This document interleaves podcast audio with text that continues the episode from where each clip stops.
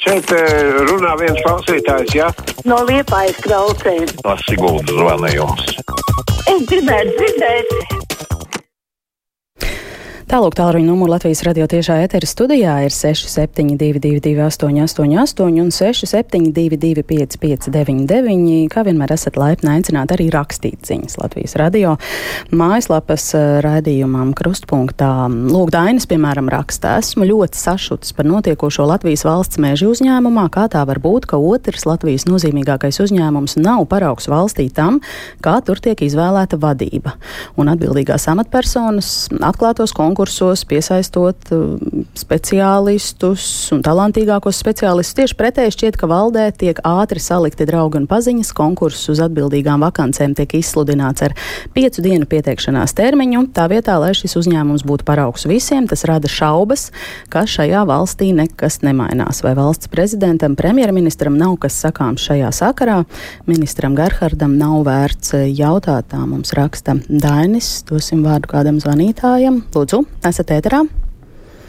Labdien! Labdien. Nu, es gribētu pateikt tā, ka lai visi progresīvo draugi nepārdzīvo, pat ja tā partija nebūs valdībā, tad tik un tā viņu tās visas nostādnes tiks reāli dzīvē īstenotas, jo kā tad viņa labi sadarbojas ar mūsu tā saucamajiem nacionāliem Rīgas domē, un lūk par tām arī seksuālām minoritātēm runājot Riņķevičs jau kuro reizi bez iebildumiem tiek apstiprināta lietu ministrā amatā, tāpat Golubova iekšlietu ministres amatā tika apstiprināts arī ar Tevzimiešu balsīm, tā ka viss notiks un droši vien arī partneru attiecības likumu pieņems. Tā ir tikai tāda ākstīšanās, zin, ka tur jaunā dāma puisim it kā pretos, bet patiesībā grib pie viņa gūtā Nonāk. Labi, jā, paldies jums par zvanu. Sapratām viedokli. Gunārs raksta, kāpēc Jūrmalas doma nerūpējas par jūrmalnieku drošību. Uzņēmumi ir spiesti no jūrmalas mukt prom.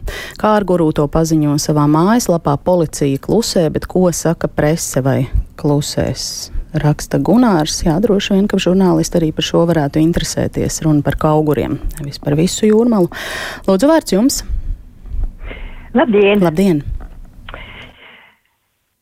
Es jūtu, ka mūsu valstī to, to tādi grūti laiki, jo pie atvēršana ļoti stingras, nu, ļoti stingri un nostājušies mūsu nākotnes zem tākošajos četros gados ir kādreizējie valsts nozadzēji, kur pamet ar 2008. gadā valsts ripojam bezdibenī, kad vajadzēja atgriezties valdim Dombrovskim un atgriezt atpakaļ uz pareizā ceļa. Nu, un es ļoti vēlētos uh, teikt tā saviem uh, viengadniekiem, man būs nākošais gada 80, šogad jau jāsaka, uh, un dot viņiem padomu tādu, neiz, neizliekieties tik muļķīgi, un kādēļ mēs taču esam gudri cilvēki, mēs dažkārt vērojam laiku, pierakstām, varbūt arī pierakstīsim šoreiz kā, kā mēs vērtējam, katru reizi paskatīties valdības lēmumus un nosvē, izsvērt tos, cik pareizi, cik nepareizi, un tad nākošajās vēlēšanās ar lepnu nebūs jāpaziņo. Es vēlēt neiešu. Ja taču par ko vēlēt. Nu, būsim gudri un pasakosim, kas un kā notiek. Tas arī. Jā, paldies, kundze. Būsim gudri šādam vēlējumam. Noteikti var pievienoties. Vēl man māma kādreiz saka, ka slikta atmiņa esot liela laime.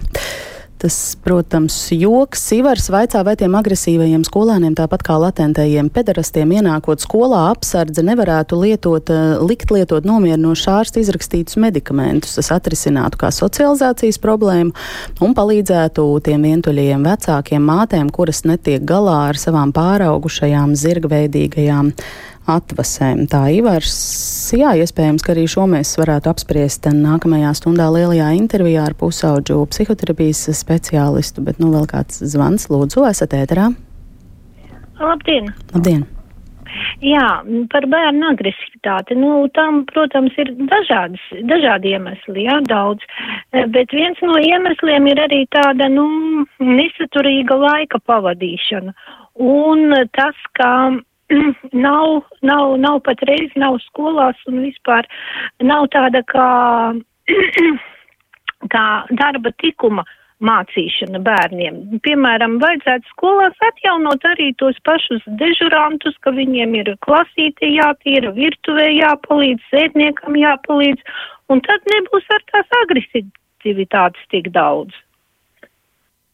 Jā, paldies eh, par šādu viedokli. Man šķiet, ka manu bērnu klasē joprojām bērni dežūrē un klasi kārto un tādas lietas um, dara. Droši vien, ka skolas nepiekristu, ka, ka tiek. Um, ka netiek darba tikums skolās mācīts. Um, Alma raksta, es esmu šokā, vai tad, tad Janai Ž un stabilitātei mūsu nodokļu maksātāju naudu dos. Mm, Vaira raksta grūti laiki. Esmu pilnīgi pārliecināta, ka Zaporīžas atomelektrostacijā Krievijā uztaisīs katastrofu pat lielāku nekā reiz bija eh, Černobiļā.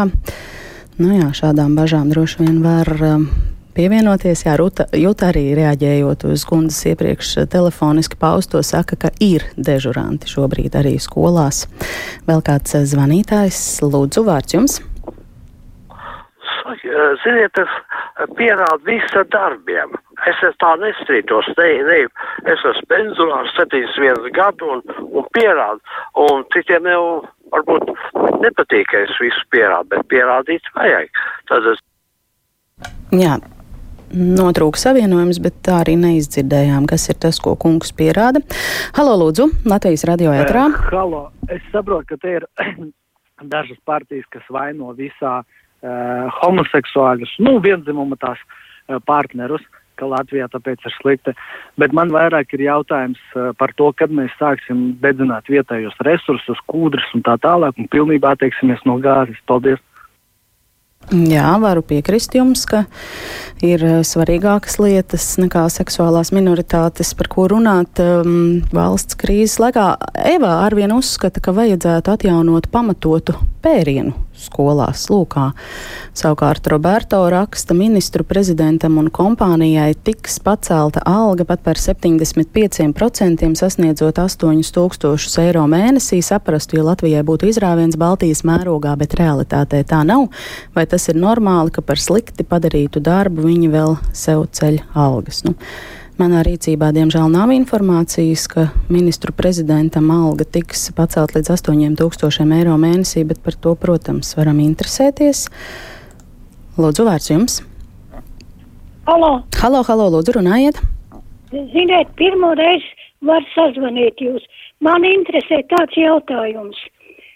Bija tāda ideja lik likvidēt vienu un divus uh, centu naudiņu tā labā tas nāks. Tirdzniecības rēķinu apmaksā, nu, bet tikai ne jau pensionāru un algu saņēmējiem. Kur te paliks tie, kam te divi, trīs, viens cents, seši, septiņi un astoņi un deviņi? Nenopaļos tak uz lielāko pusi. Mm. Kā jūs to domājat? Jā, man nav informācijas, ka pārskatāmā nākotnē kaut kas tāds varētu tikt Latvijā ieviests, bet droši vien, ka kolēģi žurnālisti sekos līdzi un interesēsies. Diez vai kaut kas tāds mūs sagaida tuvākajā laikā. Vēl te raksta, bērniem ir pārāk liela visatļautība, piemin daudz tiesību, bet daudz mazāk pienākumu. Un Vīja parakstījusies kā skolotāja raksta, ka tagad skolēnī pat nedrīkst tāfeli notīrīt, jo viņiem ir tiesības pat papīru no grīdas nepaceļ, sakot, ko tad apkopēja darīs. Nu, droši vien skola no skolas un klase no klases atšķiras. Jo, Kā jau raksta klausītāji, ir skolās joprojām dežūras, un bērni kārto klases un paceļ papīrus. Mm, lūdzu, vārds jums brīvajā mikrofonā. Sveicināti! Sveicināti.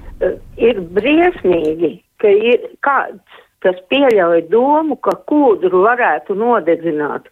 Viņa taisni skaitās it kā atjaunojumā, bet viņa tak neatjaunojas uh, 10, 20, viņa atjaunojas pēc tūkstošu gadiem.